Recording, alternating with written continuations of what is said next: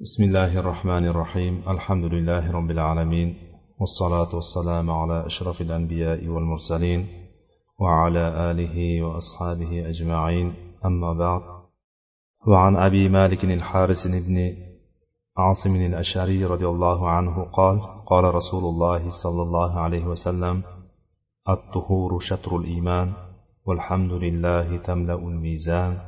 وسبحان الله والحمد لله تملأان أو تملأ ما بين السماوات والأرض والصلاة نور والصدقة برهان والصبر ضياء والقرآن حجة لك أو عليك كل الناس يغدو فبايع نفسه فمعتقها أو موبقها رواه مسلم.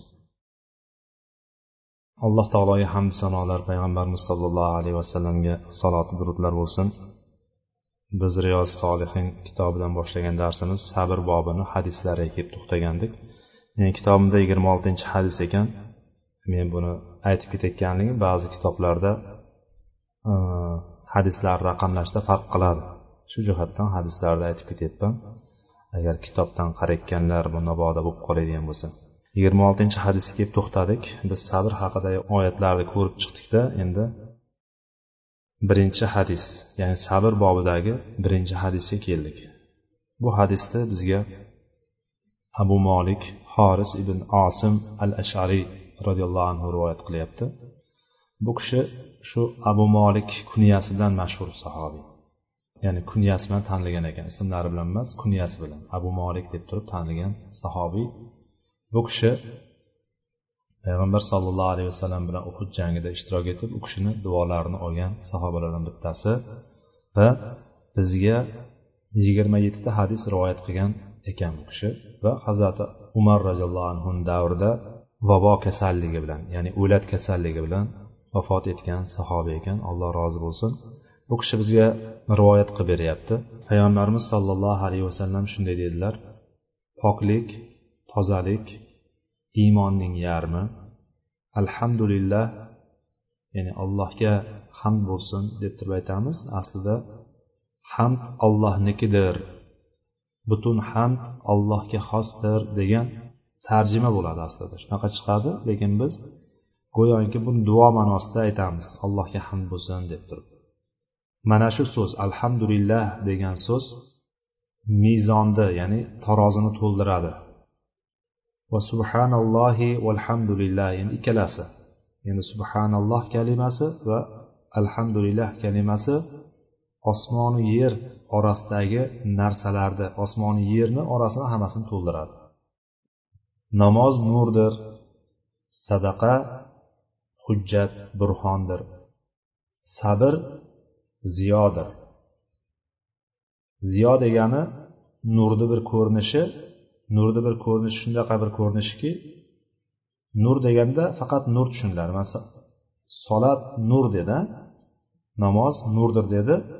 Bu nur yoritadigan yorib qilib beradigan narsa nur hisoblanadi. Oyga nisbatan nur ishlatilsa quyoshga nisbatan ziyo ishlatiladi. Shuning uchun nur isitmaydi faqat yoritadi. Э, ziyo bo'ladigan bo'lsa undan farqi ham yoritadi ham isitadi. Demak bu yerdagi ziyo bilan nurni farqi shu yerda. Lekin tarjimada biz aytishimiz mumkin nurdir bu ziyodir deb ketamiz. O'zbek tilida ziyoni e, ziyo deganni qarshiligi faqat yorug'lik ma'nosida kelganmi qanday kelgan uni men qaramadim to'g'risini aytsam. Lekin mana shu ziyo degani bilan nurni o'rtasidagi farq shu. Va payg'ambar sallallohu alayhi vasallam davom etdilar qur'on hujjatun laka alayka. Qur'on sening foydangga yoki zararingga hujjatdir dedilar. Va har bir inson ertalab bo'lgandan o'zini nafsini xuddi bir tijoratchilar matosini yoki o'zini sotadigan narsasini odamlarga bunday yoyib qo'ygani ko'rgazma qilib qo'yganday inson ham o'zini nafsini xuddi shunday ko'rgazmaga olib chiqadi. Nafsini sotuvchi bo'ladi go'yoki. Nafsahu nafsini sotadi o'zini sotadi. Qanday sotadi? Nimani qarshiligiga sotadi? Nimani evaziga sotadi? O'sha yerda payg'ambar sallallohu alayhi vasallam aytdilarki yo uni qutqarib olishligi mumkin yoki uni halokatga tashlashligi mumkin dedilar.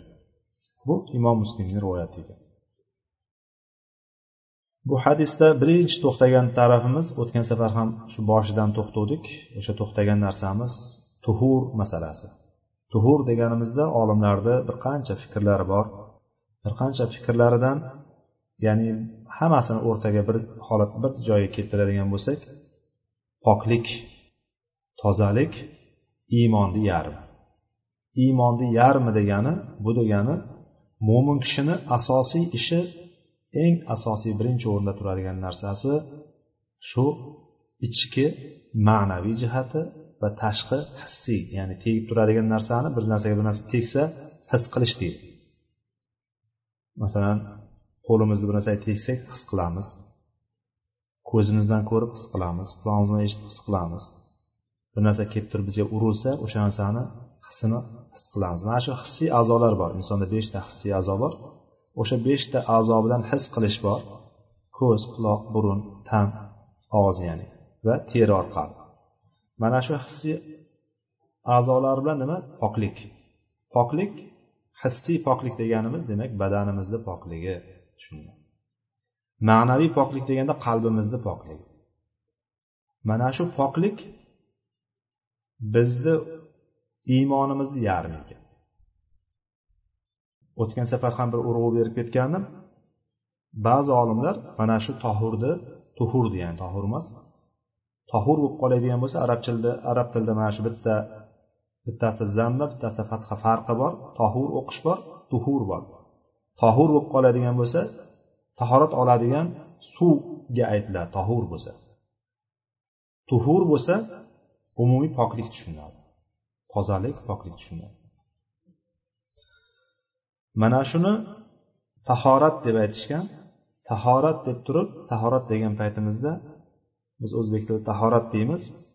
Ikkinchisini g'usul deymiz. Aslida arab tilida ham alohida alohida kalima ishlatiladi unga ham g'usul deydi tahorat ishlatadi ya'ni biz o'zbek tiliga qanday bo'lsa xuddi shunday holatda olganmiz. Bu yerdagi aslini bunday olib qaraydigan bo'lsa ikkalasini ham o'z ichiga olib ketadi poklik deganda ham tahoratni ham usulda olib ketadi ya'ni umumiy olib qaragan paytda namoz o'qishlik uchun shart bo'lgan narsa nima? Poklik tahorat to'g'rimi? Namozni sharti birinchi sharti tahorat bo'lishligi bo'lsa tahorat bo'lishligida ham inson tahorat olib kelgan bo'lishi mumkin lekin g'usul vojib holatda bo'lishligi mumkin. Nima namoz o'qiy olmaydi ya'ni umumiy poklik degan paytda badanni mutloq pokligi tushuniladi. Ham g'usul jihatdan ham tahorat jihatdan. Ala kulli hal mana shu holatda tahorat iymonning yarmi degan paytda iymonni o'sha iymonni alloh taoloni so'zida kelgan oyatga binoan bu hadisda olimlar biroz sharh bergan paytda aytishganki bu iymon degan namozdir degan yani. Tahorat namozning yarmi degan ma'noni keltirib chiqarishgan. Sababi o'tgan safar ham aytib o'tgandik bu safar ya'ni o'sha darsda qaytadan o'tayotganligimiz uchun yana eslatib o'taman. Qiblani o'zgarishlik holati. Qiblani o'zgarishlik holati hali balki bu kitobimizda kelar yoki kelmas.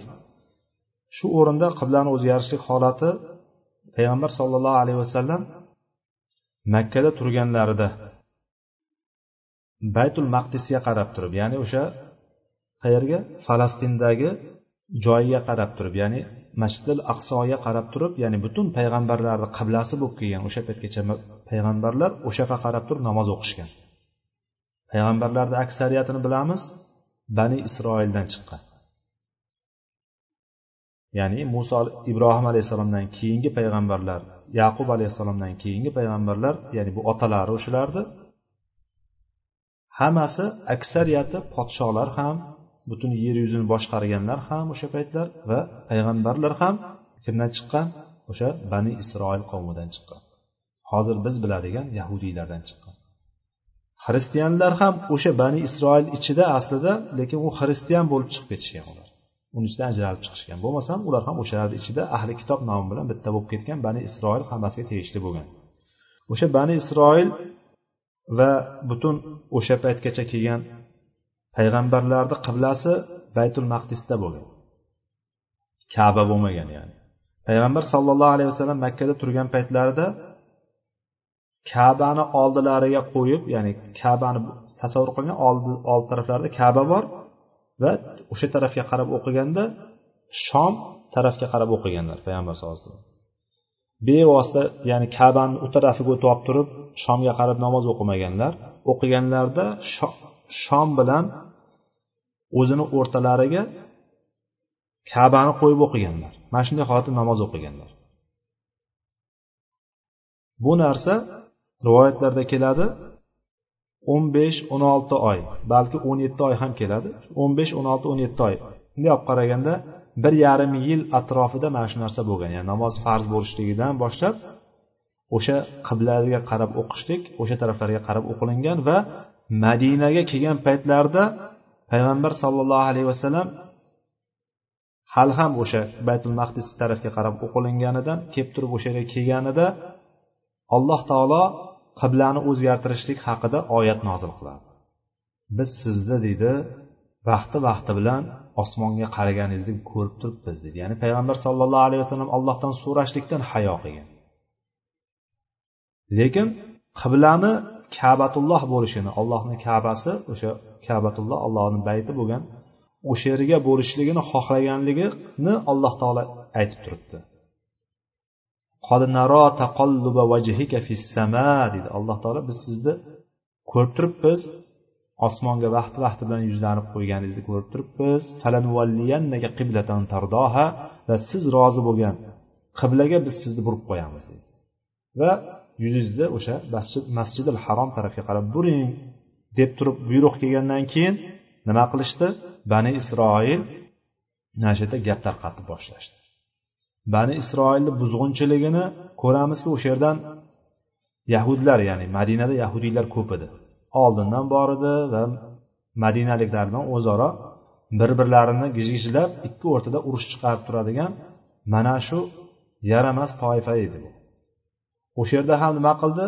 Birdan paytdan foydalanib qolib turib qayerda bo'lsa shu pichoq tiqishlikka harakat qilib qoladigan ya'ni shu orqadan kelib turib vaqt topsa shunday pichoq urib qolsa orqasidan.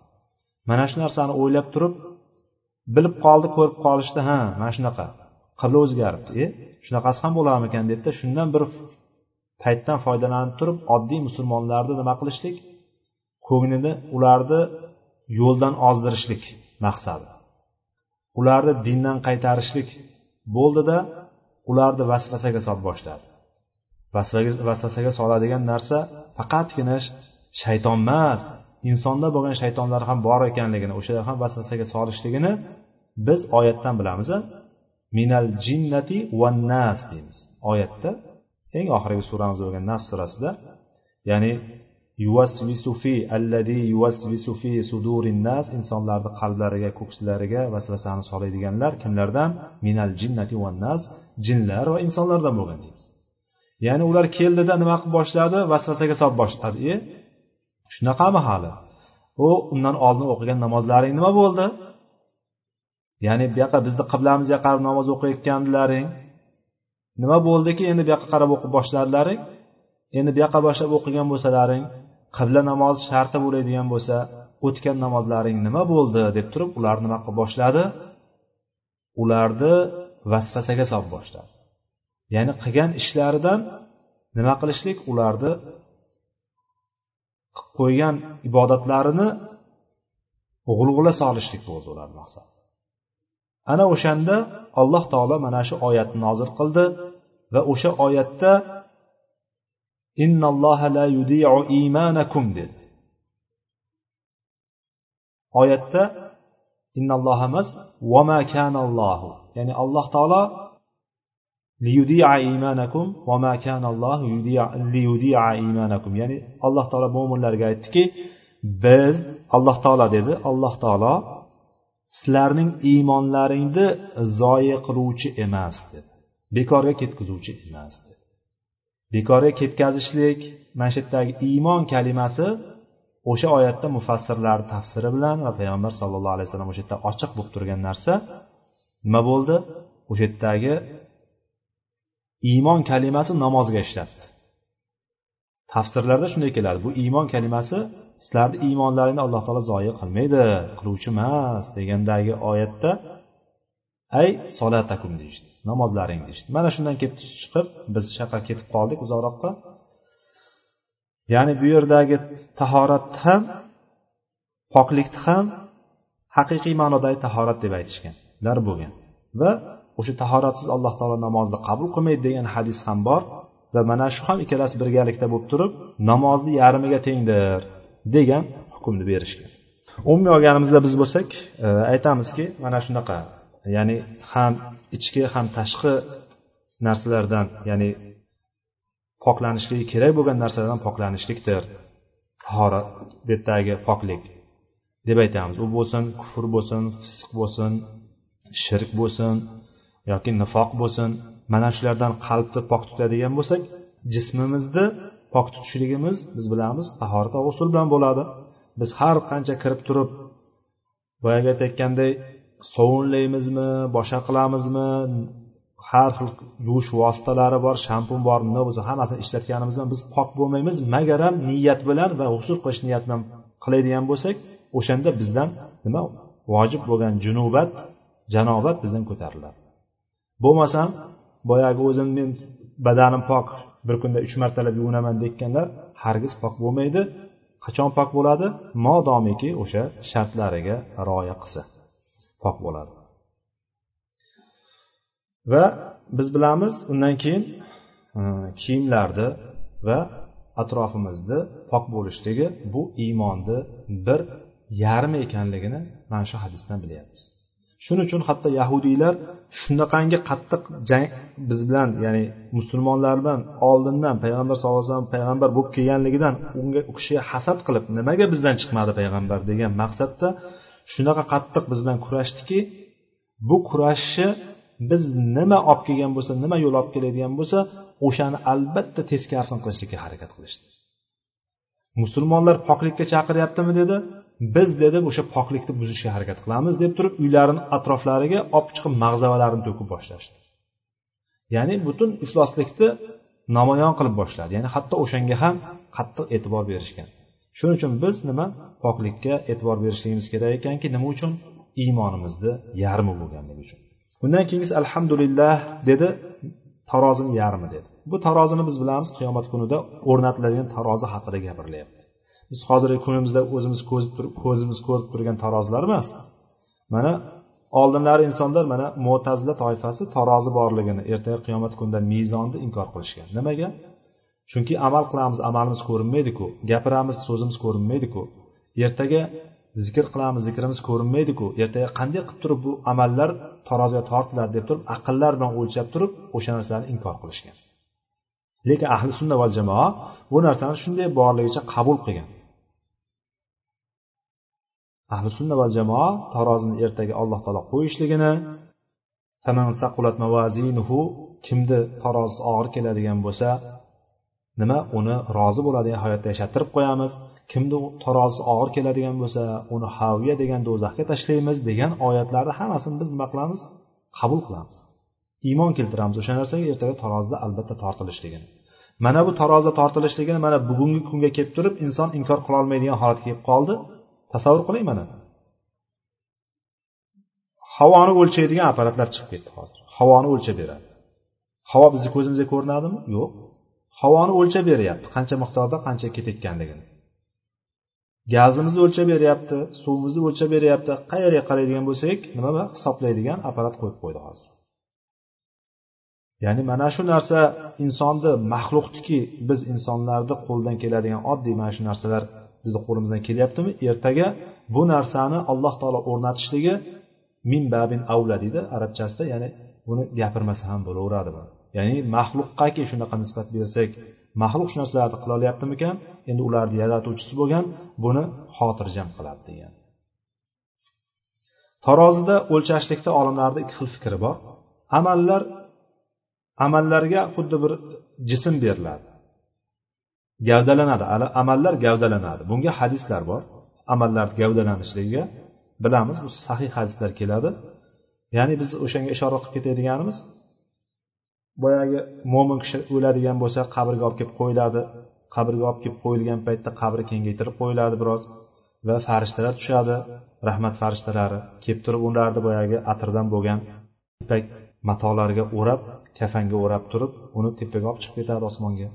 Osmonni eshiklarini taqillatadi so'ngra u joygacha borib allohni bir ma'lum huzurigacha borgandan keyin bu kim deydi? Falonchi degandan keyin buni joyini alliyindan qilinglar deydi. Ya'ni jannatni bir onasi bo'lgan alliyindan bo'lsin deydi. Ular olib kelib turib yoniga qo'yib qo'yadi. Yoniga olib kelib qo'ygandan keyin va jannatdagi joyini ko'rsatib qo'yiladi jannatdagi joyi unga bir qabrda yotgan joyda bir parcha joy ochiladi. Jannatdagi joyini ko'rib turadi va bir kishi keladi deydi. Bir kishi keladi ya'ni bir chiroyli suratda bir kishi keladi deydi. Bir inson kelgan sen kimsan desa men seni amalingman deydi.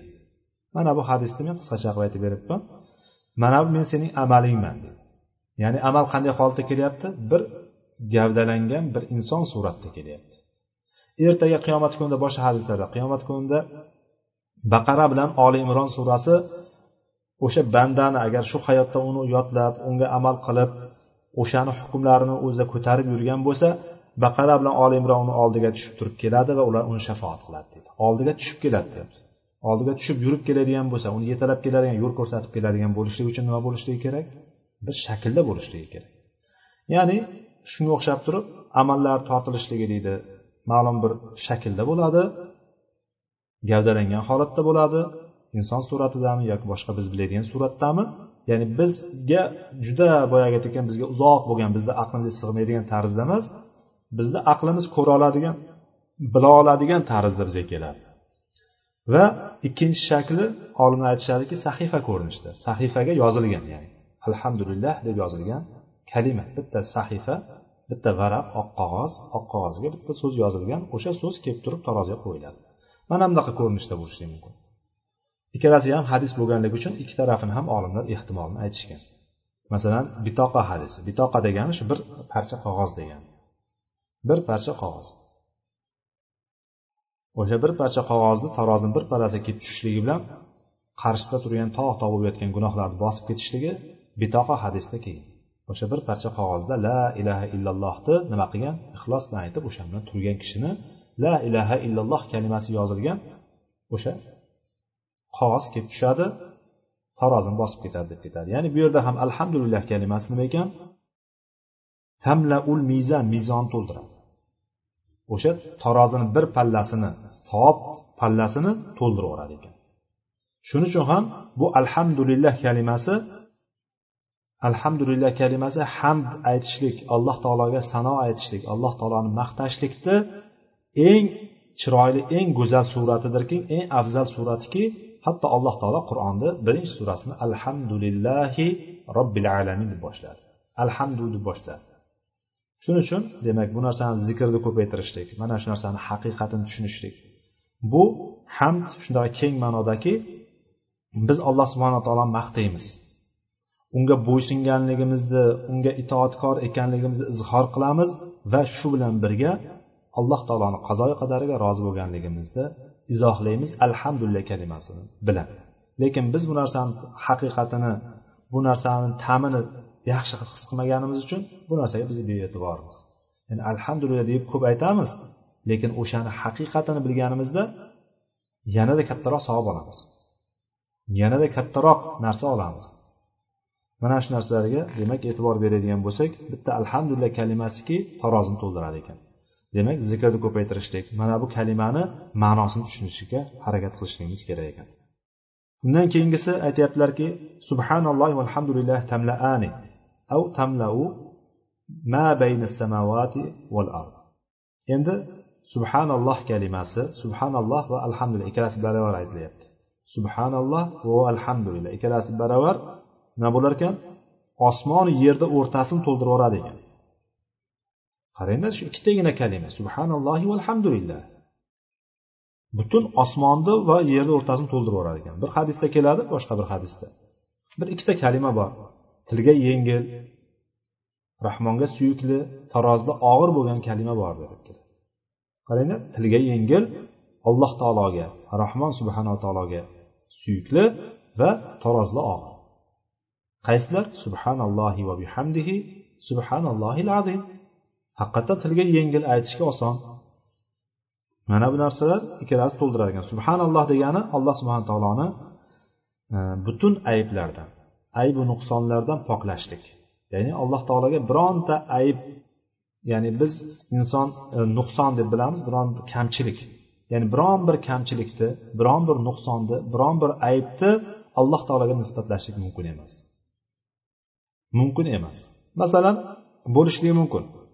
Bo'lishligi mumkin deganimiz inson uchun kamchilik sanalgan narsa alloh uchun mukammallik sifati bo'ladi. Qaysi? Masalan biz uxlamagan insonni eshitganmizlar umuman uxlamagan inson. Ye mana uxlamaydi ekan deydi. Mana uxlamaydi ekan degani uxlolmayapti ekan deb gapiradi. Mana uxlolmayapti ekan desa bu xuddi kasallik deb qabul qilamiz biz uni. Mana uxlolmayapti ekan deydi. Lekin alloh taoloni sifatlagan paytda alloh taolo o'zini sifatlaganda nima deydi? La sinatu va la deydi. Ya'ni uni mudroq ham ushlamaydi va uyqu ham ushlamaydi. Ya'ni u mudramaydi ham uxlamaydi ham deydi alloh taolo. Alloh taologa uxlamaslik sifati mukammallik kamol sifati bo'lsa insonga uxlamaslik sifati nima bo'ladi? Nuqson sifati bo'ladi. Lam yalid va lam yulad deymiz. U tug'magan va tug'ilmagan deymiz. Alloh taolo tug'maydi. Tug'ilmagan deydigan bo'lsak biz aytsak bittasini tug'maydi ekan mana u deydigan bo'lsa nima qiladi? Mana u xotin tug'maydi ekan desa. Yoki mana u erkak bepusht ekan deydigan bo'lsa nima qilamiz? Biz birpasda boyagi uni pastga urishlik yoki u narsani bir e shunaqamikan deb kasalligini aytayotganga o'xshab turib gapiramiz. Biz uchun nuqson lekin alloh taolo uchun nima? Mukammallik sifati. Ya'ni bunga o'xshagan sifatlar ko'p. Ya'ni biz biz bilganimiz ya'ni biz o'zimiz uchun nima mukammal bo'lsa alloh taologa o'sha mukammal yoki biz uchun nima nuqson bo'lsa alloh taologa nuqson bo'ladi degan narsani aytmaymiz. Ya'ni alloh taoloni hamma sifatlari mukammal sifatlar. Shuning uchun biz aytamiz subhanalloh deymiz. Subhanalloh degani allohim seni biz poklayman. Hamma nimaiki nuqson meni hayolimga keladimi kelmaydimi insonlar sifatlaganmi sifatlamaganmi qanaqa nuqson bo'lsa biz alloh taoloni undan poklaymiz. Alloh taolo undan o'zbekchada ham munazzah deb ketadi. Munazzah degani o'sha poklash pokdir degani. Alloh taolo undan ya'ni alloh taologa noloyiq bo'lgan narsalarni sifatlamaslik degani. Va subhanallohini aytgandan keyin orqasidan alhamdulillah deyishlik valhamdulillah deyishlik ikkalasi kelyapti hadisda. Subhanallohi valhamdulillah orqama ketin aytishligi birinchi hamma ayb nuqsondan allohni poklaganimizdan keyin demak bunday zot faqat maqtovga loyiq zot. Alhamdulillah deymiz orqasida va mana shu ikkala kalima yer osmonni o'rtasidagi narsa hammasini to'ldirib yuboradi ekan. Mana shu tasbeh aytishlik degani alloh taoloni ya'ni noloyiq bo'lgan hamma narsalardan poklashlik. Ismlarda bo'lsin sifatlarida bo'lsin fe'llarda bo'lsin ishlarda bo'lsin hukmlarda bo'lsin nimaiki bo'lishidan qat'iy nazar nima qilamiz? Alloh taoloni poklaymiz. Masalan kimdir aytishligi mumkin. E bu narsa menga sig'mayapti. Masalan shariatda kelgan bir narsa men qabul qilolmayapman shu narsani. Deydi mana bu narsani alloh taolo menga zulm qilyapti. Ba'zilar aytadi shunaqa deb turib alloh taolo menga zulm qilyapti. Endi nimaga menga faqat beradi shu narsani deyishligi bilan nima bo'lyapti? Bu alloh taoloni nuqsonlik sifat sifatlayotgan bo'lib qolyapti alloh taolo hukmda nuqsonlardan pokzotdir alloh taolo bitta hukmni qo'ydimi? Albatta alloh taolo o'shani orqasidagi hikmatini yaxshiligini albatta biluvchi zotdir. Biz o'zimizni aqlimiz meni menga to'g'ri kelmayapti shu. Meni aqlim qabul qilmayapti shuni qabul qilolmayapman shuni deyishligimiz boshqayu bu narsa bo'lishi mumkin emas deb yuborishlik nima? Boshqa narsa. Misollar ko'p. Boshga tushganni ko'z ko'radi degandek boshga tushgan odam o'shani hazm qilishligi kerak. Hazm qilishligimiz biza hozir kelayotgan sabr degan joyga kelganda biz o'sha yerda sabr qilishligimiz kerak bo'ladi. Shuning uchun valillahil asmaul husna deydi. Alloh taolo allohning go'zal ismlari bor. Boshqa oyatlarda fadauhu biha ular bilan duo qilinglar deydi alloh taoloni go'zal sifatlari bilan biz duo qilishlik bilan alloh duomizni ijobat bo'lishligini nimasi bo'lar ekan? Bitta sharti bo'lib qoladi ekan. Undan keyingi so'zda payg'ambar sallallohu alayhi vasallam aytdilarki assolatu nurun. Namoz nurdir dedi. Namoz haqiqatda mo'minga nur beradi. Nur berishligi boshqa hadislar bilan ma'lum bo'lgan. Qiyomat kunida ham bizni ummatimni qayerdan taniyman degan paytda peshonadagi sajda o'rinlaridan deb ham keladi. Biz sajda o'rinlari deb aytyapmiz. O'rni deb aytmayapmiz. Sajda o'rinlari nechta? Yettita a'zo bilan sajda qilamiz biz. Yettita a'zo bilan sajda qilamiz. Sajda qilgan paytimizda bunday sanab chiqsak yettita a'zo chiqadi. Ikkita oyog'imizni uchi ya'ni qadam ikkita tizza ikkita kaft va peshona. Yuz deymiz. Peshona bilan burun ikkalasi bitta hisoblanadi. Mana shu yettita a'zo bilan qilamiz. O'sha yettita a'zodan alloh taolo bizga nur beradi. O'sha nur qabrda ham bo'ladi bizga ya'ni qabrda ham qabrimizni kengaytiradi inshaalloh. Bu hadislardan kelgan albatta. Va qiyomat kunida ham qayta tirilgan kunda ham o'shaklarimizdan nur chiqib turadi. O'sha bilan namoz o'qigan va namoz o'qimaganlar o'rtasida ajralish bo'ladi. Boshqa hadislarda tahoratdan ham nur chiqadi. Tahorat qilgan a'zolardan nur chiqadi deb keladi. Mana shu demak namoz nur ekan bu hadisda keladiki bir hadisda payg'ambar sallallohu alayhi vasallam qiyomat kunida qayta tirilgan paytda nur bo'lishligini mana bu so'zdan tushunamiz. Alayha ya'ni kimda kim namozni himoya qilsa namozni muhofaza qilsa o'zini vaqtida o'qisa rukunlari farzlari sunnatlariga e'tibor qilsa hamma joyini narsasini o'ziga qo'ysa qalbiy jihatiga ham e'tibor berib turib o'zini o'zi gaplashmasdan ya'ni har xil narsani o'ylamasdan xushusini huzusini yeri joyiga keltirib namozini o'qigan kishi ni hafazo deymiz. O'sha narsani muhofaza qildi deymiz. Ya'ni qalbini ham bir joyga to'playapti va rukun farz shartlarni hammasini joyiga keltiryapti. Mana shunday qiladigan bo'lsa kimda kim shunday qilsa kanat lahu nuron va burhanan yawmal qiyama dedilar payg'ambar sallallohu alayhi vasallam. Ya'ni u uchun o'sha kishi uchun kim namozni muhofaza qilsa o'sha kishi uchun qiyomat kunida nur va hujjat bo'ladi. qanday hujjat bizni foydamizga hujjat bo'ladi bizni do'zaxdan qutqaradigan hujjat bo'ladi va bizni yo'limizni ko'rsatadigan va bizni boshqalardan ajratib turadigan nurimiz bo'ladi ومن لم يحافظ عليها لم تكن له نورا ولا برهانا ولا نجاة يوم القيامة va hadis davomida kim namozni muhofaza qilmasa muhofaza qilmasa degani tahoratli bo'lishligi mumkin qiblaga yuzlangan bo'lishligi mumkin namozni ichida o'qiladigan hamma narsani o'qiyotgan bo'lishligi mumkin lekin qalbiga e'tibor bermaydi. Nima qilayotganini bilmasdan namozni tap tap tap o'qiydi turib ketadi. Bu ham namozni himoya qilmagan kishini safiga kirishligi mumkin. Yoki tahoratlarga e'tiborsiz tahoratni chala chulpa oladi. Yoki boshqasi o'qiyotgan paytda farzlarga e'tibor bermaydi. Yoki rukunlarga e'tibor bermaydi xotirjamlikka e'tibor bermaydi. Xuddi tovuq doncha o'qigandek tap tap tap o'qiydi. Kallasini shunday cho'qiganda qanday uradi? Tovuqni ko'rgansizlar doncha o'qishini. Ko'rmaganlar chiqib qushlarga qarasin ko'radi doncha o'qiganni xuddi shunday sajdaga shunaqa tezda borib keladi.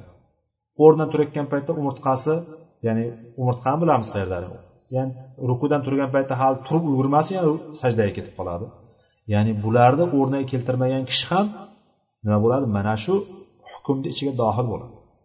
Ya'ni o'shani muhofaza qilmagan bo'ladi namozni namozni muhofaza qilishlik qalbdan boshlanib butun a'zolarga ko'rinishligi kerak butun a'zolarga chiqishligi kerak. Rukun sajda rukunlarini hattoki sunnat va mustahablarini ham hammasini joyiga keltirgan kishi namozni muhofaza qilgan bo'ladi. Chunki payg'ambar sallallohu alayhi vasallam nima deganlar?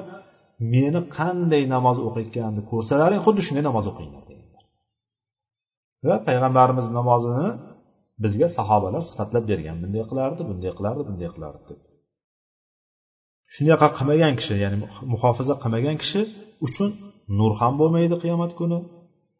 Unga burxon ya'ni hujjat ham bo'lmaydi. U uchun najot ham bo'lmaydi do'zaxdan qutqara olmaydi ham bu narsa. Bekorga alloh taolo musallin alladinahum an solatihim sahun demagan. Ya'ni namoz o'qiyotganlarga vayl bo'lsin. Iya. Namoz o'qiyotganlarga vayl bo'lsin deb turib ya'ni o'qimagan odam ya'ni sifatlarni o'qimagan odam yanglish o'qigan bo'ladi. Xato qilgan bo'ladi. Ya'ni o'shani shunday uzoq turib namoz o'qiganlarga vayl bo'lsin. Mana alloh taolo aytib qo'yibdi namoz o'qisang senga vayl bo'ladi do'zax bo'ladi deydigan odam bekor gapirgan bo'ladi. Bu narsani orqasini ulab o'qish kerak ya'ni sifatlarni aytishlik kerak.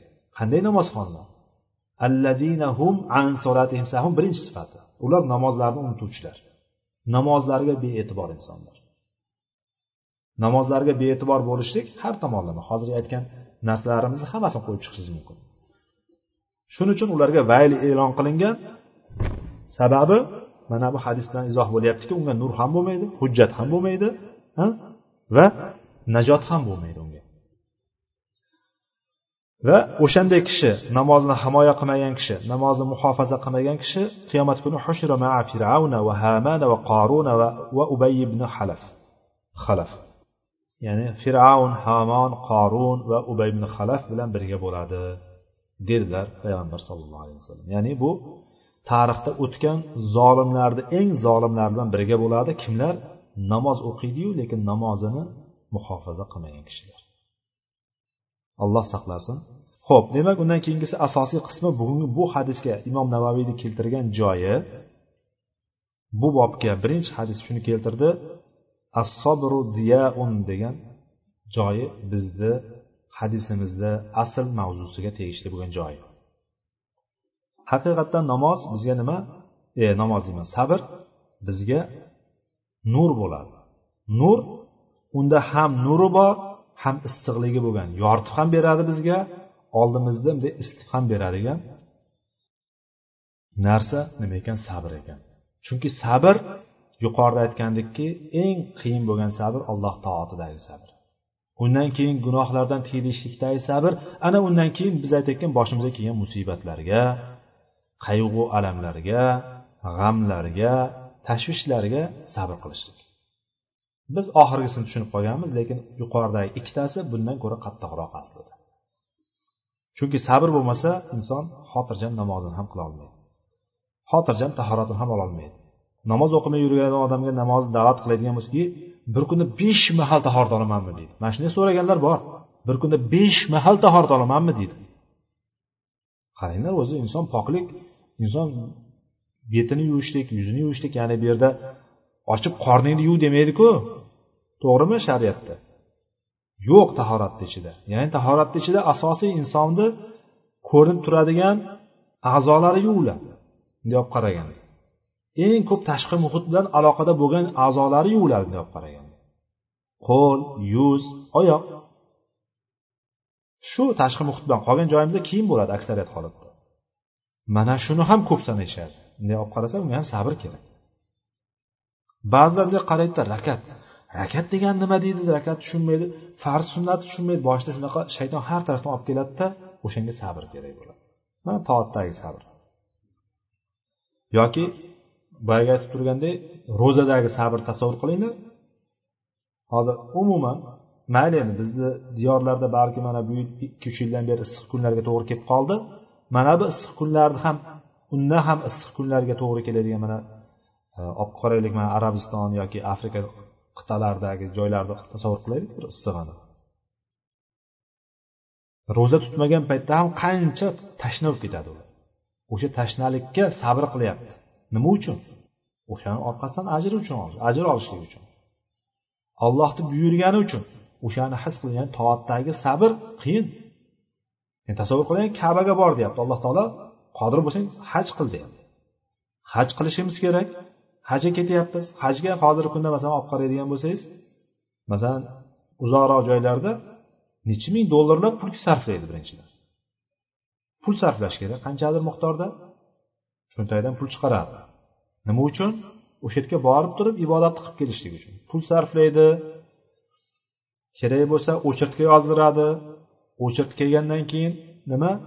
O'chirtga kelib qolgandan keyin ham o'tga o'tadi buyog'iga o'tadi qolib ketmaydi deydi borgandan keyin ham o'ziga yarasha qattiq og'ir ibodatlari bor. Shuning uchun sog'liq bo'lishligi kerak deydi. Sog'lom odam bormasa yoqda nima? Bu yoqqa borgandan keyin oyoq tagida qolib ketadi. Bu ibodat o'ynagani borilmaydi aylangani borilmaydi yoki borib turib mehmonxonaga kirib yotib yotib qaytib kelishlik degani emas. Shunaqa qilayotganlar bor alloh saqlasin. Bu yoqqa borgandan keyin o'ziga yarasha mashaqqatlari bor. O'shalarni ko'tarishlikka nima kerak? Sabr kerak. Shuning uchun buni harorati ham bor va nuri ham bor ya'ni issiqligi ham bor yoritishligi ham bor sabrni qanaqasini yoritadi bizga? Biz agar mana shu ollohni yo'lidagi toatlarga ollohni yo'lda bizni qaytargan harom ishlardan qaytishlikdagi sabrimiz va oldimizdan chiqqan musibatlarga sabr qiladigan bo'lsak har bitta sabr qilgan sabrimizga alloh taolo bizni to'g'ri yo'liga boshlab qo'yaveradi.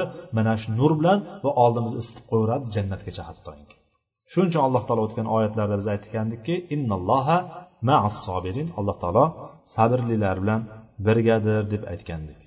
Mana shuning uchun bu yerda keltirgan narsa asosiy narsa oyat e, hadisimizdagi asosiy o'rni mana shu ekan. Undan keyingi qismi hadisni assadaqatu burhanun dedilar payg'ambar sallallohu alayhi vasallam. Sadaqa sadaqa aslida e, biz aytayotgan sadaqa deganimizda o'zbek tilida sadaqa deb tarjima qiladigan bo'lsak biroz aslida to'g'ri ham keladi bir tarafdan to'g'ri ham kelmaydi. Nima deganim to'g'ri keladi to'g'ri kelmaydi.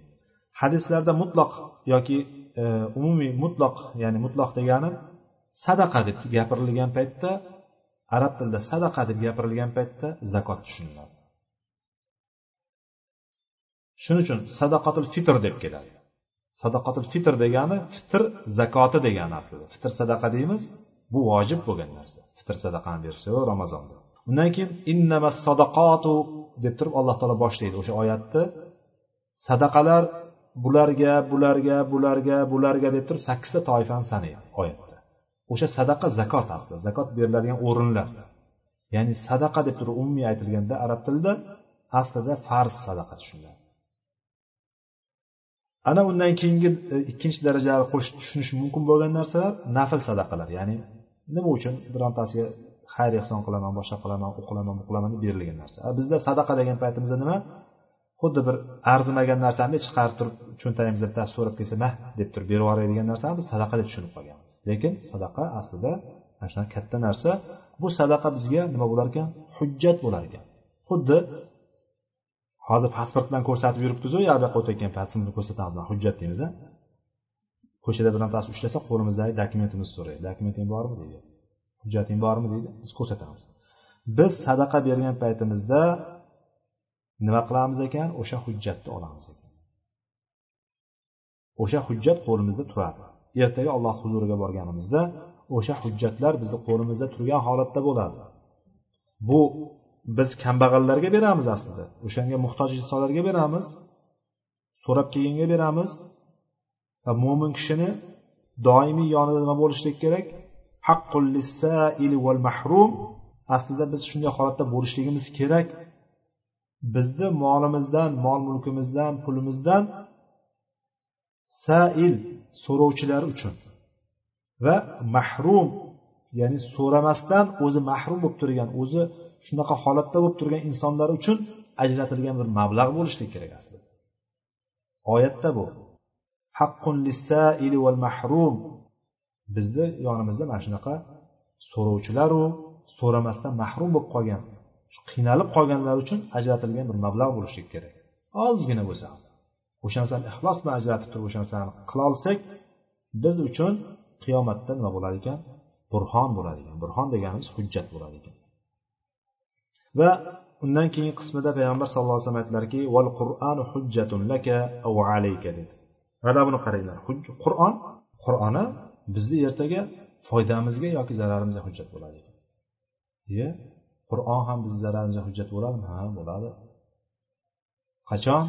Qachonki biz qur'onga amal qilmasak qur'onni haqlarini o'tamasak qur'onni o'qimasak unga e'tiborimizni qaratmasak bizga nauzubillah shuncha yonimizda turib kitob javonlarimizda turishligi yoki devorlarga osilgan holatda turishligi tokchalarda chang bosib turishligi ertaga bizni zararimizga hujjat bo'ladi.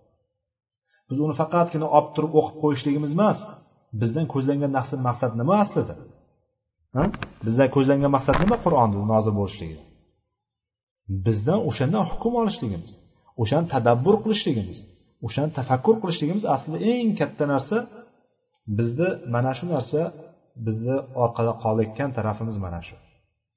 Biz ollohni kalomi deymiz lekin ollohni kalomi ekanligini his qilolmaymiz o'sha ollohni kalomi ekanligini his qilolmaymiz bu narsa bu aytayotgan narsalar birinchi o'zimga tegishli narsalar.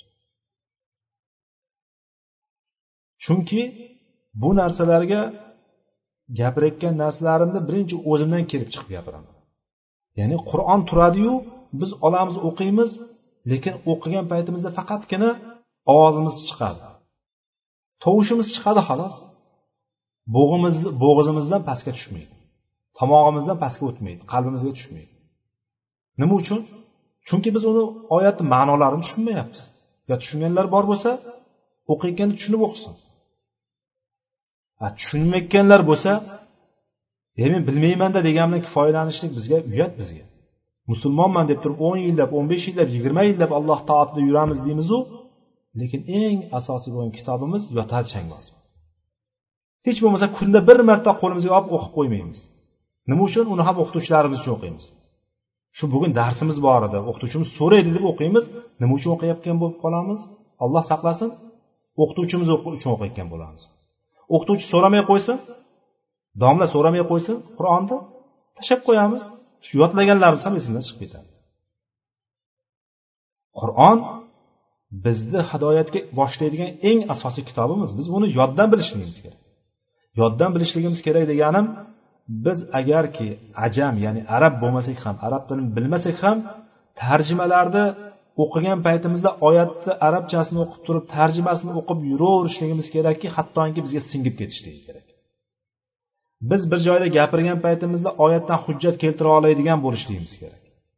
Biz bir joyda eshitgan paytimizda qur'onni tafakkur qila oladigan bo'lishligimiz kerak. Payg'ambar sollallohu alayhi vasallam oli imron surasini oxirini o'qidilar inna fi xalqis samawati val ardi va ixtilafil layli wan nahar la ayatin li ulil albab. O'sha oyatda ya'ni bu oyatlar osmon va yerni yaratilishligida insonlar uchun ya'ni aql egalari uchun albab lub kalimasini ko'pligi. Lub degani asli miya degan aql degan. Aql egalari li ulil albab ulil albab bo'lgandan keyin aql egalari degan. Aqlli insonlar uchun nima bor? Oyatlar mo'jizalar bor osmon yerda yaratilishligi degan. Va orqasidan aytadi allohim sen buni bekorga yaratib qo'ygani yo'q. Subhanaka deymiz. O'sha oyatda shunaqa kelgandan keyin payg'ambar sallallohu alayhi vasallam aytlarki mana shu oyatlarni o'qigandan keyin inson yeru osmonni ko'rib turib tafakkur qilmasa o'shani holiga voy deganlar. Qaranglar bir o'zimizga qarab qo'yaylik nimamiz biz? Kimmiz o'zi? Atrofga qaraylik ko'chadagi narsalarga qaraylik bir tafakkur qilaylik vaqti vaqti bilan faqat boyagi aytayotganday bizni tashvishimiz qornimizni to'ydirish bola chaqaga qarashlik kiyim kiyishligimiz ko'chada aylanishligimiz emas. Ba'zi ba'zi paytda kunda yoki oyda bir ana deylik haftada bir o'n kunda bir o'tirib butun koinotni atrofni ko'zimiz ko'rolgan narsalarni bir tafakkur qilishga o'rganaylik. Tafakkur qilaylikda ollohni qanday zot ekanligini qanday buyuk zot ekanligini ozgina his qilaylik. O'sha hissimiz bizga namozimizda xushino bersin ibodatga ko'proq chaqirsin. Odamlarga muhtojligimizni ko'tarsin. Farzandlarini tarbiyani ko'tarsin. Qarasin o'shanga tarbiya qilishlikka qaratsin bizni. Birodarlarimiz yaxshi munosabatda bo'lishlikni qaratsin bizga.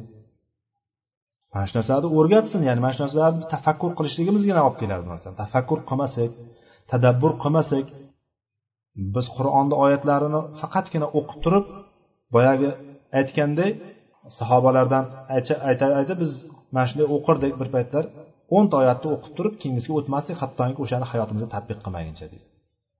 O'shani qilib turib keyin o'tardik deydi. Biz birinchi iymonni o'rganardik keyin qur'onni o'rganardik. Qur'onni iymonni o'rgangandan keyin qur'onni olardik har bir narsa o'z joyiga joylashib ketardi. Ya'ni hamma narsasini bitta qoldirmay qilardik hukmlarni olardik deydi. Shundan keyin bizdan shunday bir kishilar keldiki shunday insonlar bir avlodlar keldiki ular nima qildi? Birinchi qur'onni boshladi. Haqiqatda shunday. Qur'ondan boshladi xuddi xurmoni yaxshisini olib yomonni tashlab yuborganday allohni oyatlarini tashlab yubordi deydi. Bunday tasavvur qilsangiz men o'zim taniganlarimdan misol qilib aytaman o'zim bilgan joylarimdan masalan o'zbeklar o'zimizni o'zbeklarni olaylik. Qorilar qorilarni tasavvur qiladigan bo'lsangiz qorilarni oladigan bo'lsangiz o'zimiz o'zbekistondagi qorilar hujra ko'rib qori bo'lib chiqqanlarni eng katta buzg'unchiliklar o'shalardan chiqqan. Qayerda qarasangiz nima anavi bo'lsa bilmagan ham o'sha buzg'unchilik qilgan ham o'sha boshqasi ham ya'ni xulqi juda xunuklar ham o'sha. Nimaga? Chunki ular faqatgina yodlab olgan xolos. Uni na ma'nosini biladi na uni lazzatini biladi na boshqasini biladi. Ya'ni allohni oyatlarini yaxshi bo'lmagan xurmolar tashlab yuborgandek tashlab yuboradi olloh saqlasin. Qur'on bizga qachon hujjat bo'ladi qachonki biz uni nima qilsak hayotimizga tadbiq qila olsak o'qisak o'rgansak amal qilsak. Yo'q men buni o'rgana olmayman yo'q men faqat yodlagan yodlash bilan ish bitmaydi to'g'ri yodlashlikda katta narsa bor. Buni inkor qilishlikka haqqimiz yo'q. Buni inson ixlos bilan o'qiydigan bo'lsa tilovati ham ibodat buni. Tilovat ham ibodat lekin bizdan qasd so'ralgan narsa bizga anavi emas ya'ni ibodat emas bizga. E boyagi o'qishlik emas faqat tilovat emas faqatgina. Bizdan asosiy talab qilingan narsa tadabbur qilishlik tafakkur qilishlik. O'shandan biz ibratlar olishligimiz qissalardan ibrat olishligimiz allohni oyat oyatlarini o'rganishligimiz o'sha yerda kelgan narsalarni bilishligimiz bilib qo'yishlik bilan ish bitmaydi. O'shani nima qilishligimiz kerak? O'rganishligimiz kerak. O'sha o'rgansak o'sha narsalarni. Har bitta harfi uchun nima? O'ntadan hasanat yoziladi. Savoblar yoziladi. Har bir harfni shunaqa deb o'qishligimiz kerak. Men yo buni tushunmayman ma'nosini emas. Biz qiynashligimiz kerak o'zimizni. O'sha narsaga majburlashimiz kerak. Sabr mana shu yerda kerak. Mana shu yerda sabr kerak. O'zimizga ozgina bir dastur qilib olishligimiz kerak. Har kuni o'qiyman mana shu narsani. Har kuni bir o'qib turib ozgina tafakkur qilaman. Ozgina o'qib turib o'sha narsani ma'nosini tushunaman. Ko'proq tafsir eshitishlik kerak. Tafsir kitoblarini o'qishlik kerak. Tafsir kitoblari endi o'zbek tilida hozir e, tayinli bir tafsir kitobi yo'q. Bo'lgani ham hozir yarim bor yarim yo'qku. Tafsir qilingan kitoblar bor. Tafsirlarni eshitishlik kerak o'sha oyatlarni ma'nosini eshitishlik kerak. O'sha ma'nolarni eshitgandan keyin bitta eshitib qo'yib emas insonlar ha eshitganman deb qo'yadi. Eslay keladi. Lekin ba'zi bir narsalar qur'on qancha ko'p o'qisangiz qancha ko'p eshitsangiz qancha ko'p o'rgansangiz shuncha o'zini ochib boraveradi o'zini ko'rsatib boraveradi o'zini jamolini ko'rsatib boraveradi. Qancha kirishsangiz bilmaganingizni bilib boraverasiz har o'qiganingizda yangi narsa olasiz har eshitganingizda yangi narsani eshitasiz. Nima uchun? Bu ollohni qiyomat kunigacha qo'ygan payg'ambarimiz sallallohu alayhi vasallamga berilgan eng katta mo'jizasi hisoblanadi. Bu hamma davrga tushadi. Hamma davr insonlarini xuddi kinoda tasvirlagandek tasvirlab beradi bizga bu kino yozib qo'yilgan qo'yib qo'yilgan o'zgarmaydi bu kino. Ichidagi odamlar o'zgaradi. Ya'ni davrlar insonlar o'zgaradi ichidagi turgan narsa hammasi ayni o'sha odamlar ayni o'sha odamlar. Munofiqlar ham xuddi og'zidan bir xil so'z chiqadi kofirlarni og'zidan ham bir xil so'z chiqadi mo'minlarni harakatlari ham mo'minlarni qilayotgan ishlari ham ayni shaklda davom etaveradi. Bu qur'on bizni ilohiy kitobimiz birinchi kitobimiz va alloh taolo tarafidan bizga nozil qilinganligida hech qanaqa shubha bo'lmagan kitobmikan biz bunga e'tibor qaratishimiz kerak. Uyat qur'onni o'qishni bilmagan kishi uchun uyat. Musulmonman degan nomiga uyat. E suf deydigan holat hattoki. Buning uchun biz hammamiz o'qishni bilishligimiz kerak. O'qishni bilgandan tashqari o'qishni bilib qolishlik kerakda naryoqda biz oldinga harakat qilishimiz kerak o'tishimiz kerak. Shunga alloh taolo bizga qur'onni hujjat bo'ladigan bizni foydamizga hujjat bo'ladigan kishilardan qilsin. Payg'ambarimiz sallallohu alayhi vasallam hadislarida davom etdilar. Kullun nas yag'du nafsa har bir inson bor ekanki ertalab bo'lar ekan har kun tong otar ekan inson o'zini nafsini sotadi.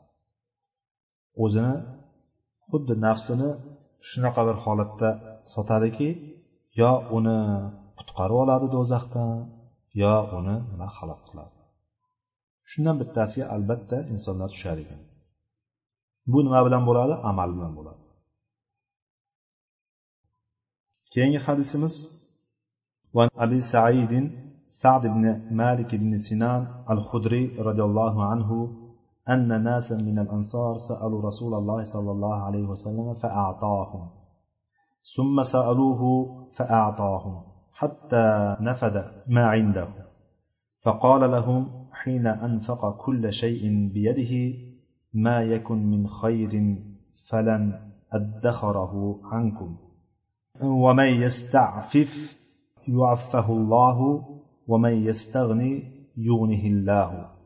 ومن يتصبر يصبره الله وما أعطي أحد أعطاء خيرا وأوسع من الصبر degan muttafaqun alayh hadis ekan bu hadisni bizga sahobiy jalil abu said hudriy deb bilamiz biz abu said ya'ni biz ham taniganimiz bu kishini kunyasidan taniymiz ekan asosan abu said hudriy deymiz nisbati bilan qayerdanlik ekanligi bilan hudriy ekanligi bilan taniymiz ekan biz ho'p bu kishini asl ismi sad ibn molik ibn sino deb ketyapti bu yerda ibn molik ibn sino abu said bizga rivoyat qilib beryapti. Ansorlardan bo'lgan kishilar ansorlardan ansorlar bilamizlar kimligini. Ansorlardan bo'lgan bir kishilar keldi payg'ambar sallallohu alayhi vasallamdan bir narsani so'radi. So'radi payg'ambar sallallohu alayhi vasallam berdilar. So'raganda berdilar. Keyin yana so'rashdi. Yana so'rovdi yana berdilar. Hatto shunaqa so'raverdilarki ularga so'ragan narsa hammasini berib bo'lgandan keyin huzurlaridagi narsa tugab qoldi. Payg'ambarimiz yonida turgan narsa balki g'animatlardir. Endi nima bo'lsa o'sha paytda? G'animatlardir yoki fitr sadaqalardir. Nima bo'lsa kelgan odam ya'ni so'radi so'radi so'radi oxiri yonidagi narsa tugadi. Va payg'ambar sallallohu alayhi vasallam o'sha payt dedilarki tugagandan keyin yonimda biron bir yaxshi narsa bo'lsa ma yakun min xayrin.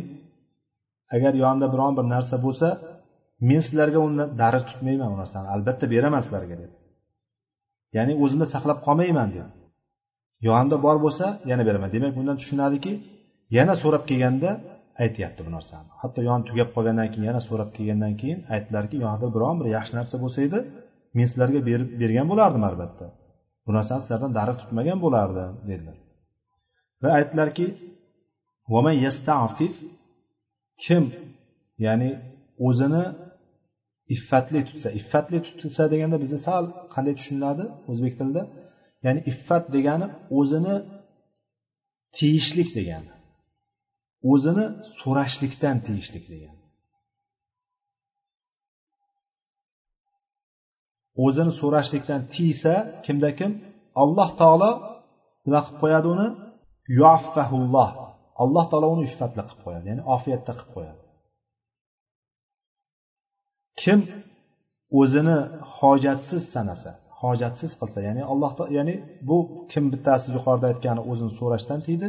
Ikkinchisi o'zini behojatlikni istasa bu yerda behojatlikni xohlasa birovdan so'ramaslikni birovga muhtoj bo'lmaslikni so'raydigan bo'lsa alloh taolo uni behojat qilib qo'yadi. Albatta birovlardan alloh taologa hojatimiz doimiy turadi. Alloh taologa o'zini behojat sanagan kishi nima bo'ladi? Bu fir'avnga o'xshagan bir maxluq bo'ladi lekin bu yerda kim o'zini behojat bo'lishini istasa alloh taolo uni behojat qilib qo'yadi. Undan keyin kim sabr bardoshlik bo'lsa sabr bardosh mana shu yerda keladi bizni hadisga bugungi tegishli mavzumizga tegishli.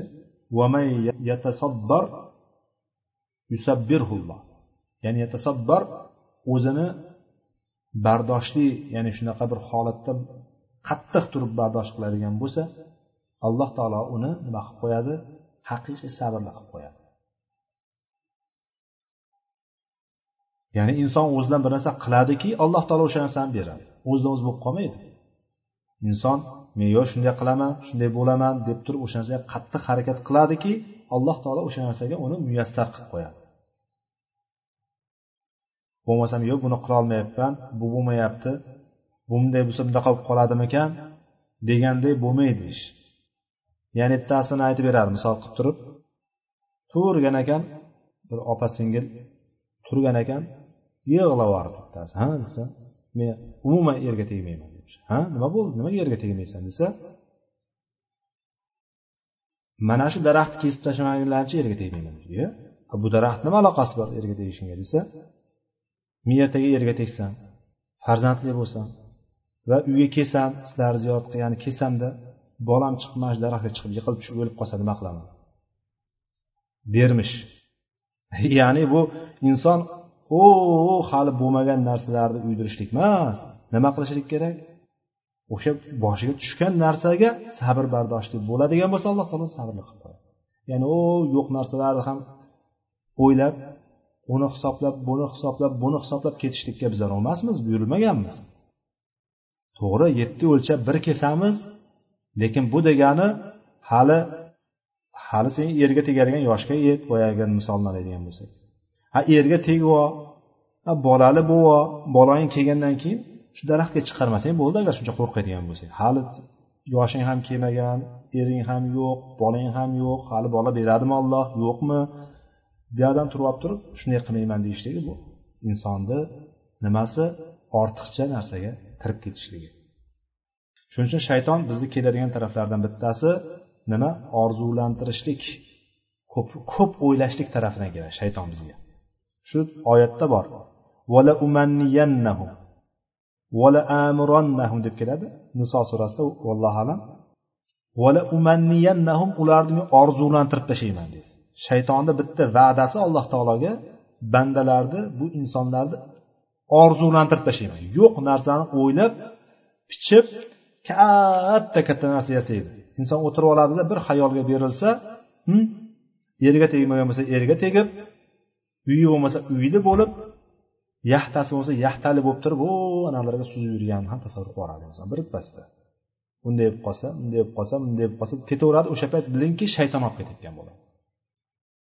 Bu narsa ko'rinadiki orzulanishlik ya'ni bo'lmagan narsalarni o'ylab turib bo'ldirishlikka harakat qilishlik bu narsani gunohga olib borishlik ekanligini bu shaytoniy yo'llardan bittasi ekanligi kelib chiqadi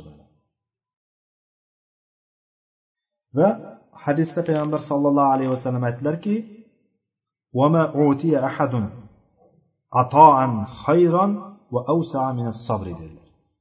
biror bir kishiga sabrdan ko'ra ulug'roq va yaxshiroq narsa berilmadi dedi ko'ryapsizlarmi? Berilmadi. Sabrdan ham ko'ra kattaroq mana bu yerda kelayotgan narsa xoyr yaxshiroq. Sabrdan ko'ra yaxshiroq va avsaa undan ko'ra kengroq bo'lgan aslida bu yerda ulug' deb tasavvur beramiz. Avsa degani vasiyadan olingan keng ya'ni sabrdan ko'ra kengroq ulug'roq va undan ko'ra yaxshiroq narsa berilmaydi berilmaydi dedilar. Mana bu hadisimizda oladigan foydalarimizdan bu hadisni hamma sharhiga kirishmaymiz. Kirishadigan joyimiz oxiriga aytayotganimiz demak sabrni qanday darajada turishligi ya'ni insonga beriladigan narsalarni eng yaxshisi va eng ulug'i nima ekan? Sabr ekan. Shuning uchun alloh taolo nima dedi? O'tgan oyatlarimizda o'tdik. Sabr bilan madad so'ranglar. Namoz bilan madad so'ranglar deb turib alloh taolo aytgandi. Madad so'rashlik sabr bilan bo'lishligidan sabrdan ko'ra ulug'roq va sabrdan ko'ra yaxshiroq narsa yo'q ekanligini nima qildi? Bizga hadisda payg'ambarimiz sollallohu alayhi vasallam bayon qildilar. Alloh taolo bizni sabrlilardan qilsin va alloh taoloni maiyati bo'lgan sabrlilar bilan birga degan oyatdagi holatiga binoan alloh taolo bizga sabr berib o'zini birgaligini o'zini yordamini bersin. Alloh taolo qilgan sabrlarimizga ajrlarimizni mukofotlarimizni mukammal qilib bersin. Subhanakallohumma va bihamdik. Ashhadu an la ilaha illa anta astag'firuka va atubu ilayk. Va axiru da'vana alhamdulillahi robbil alamin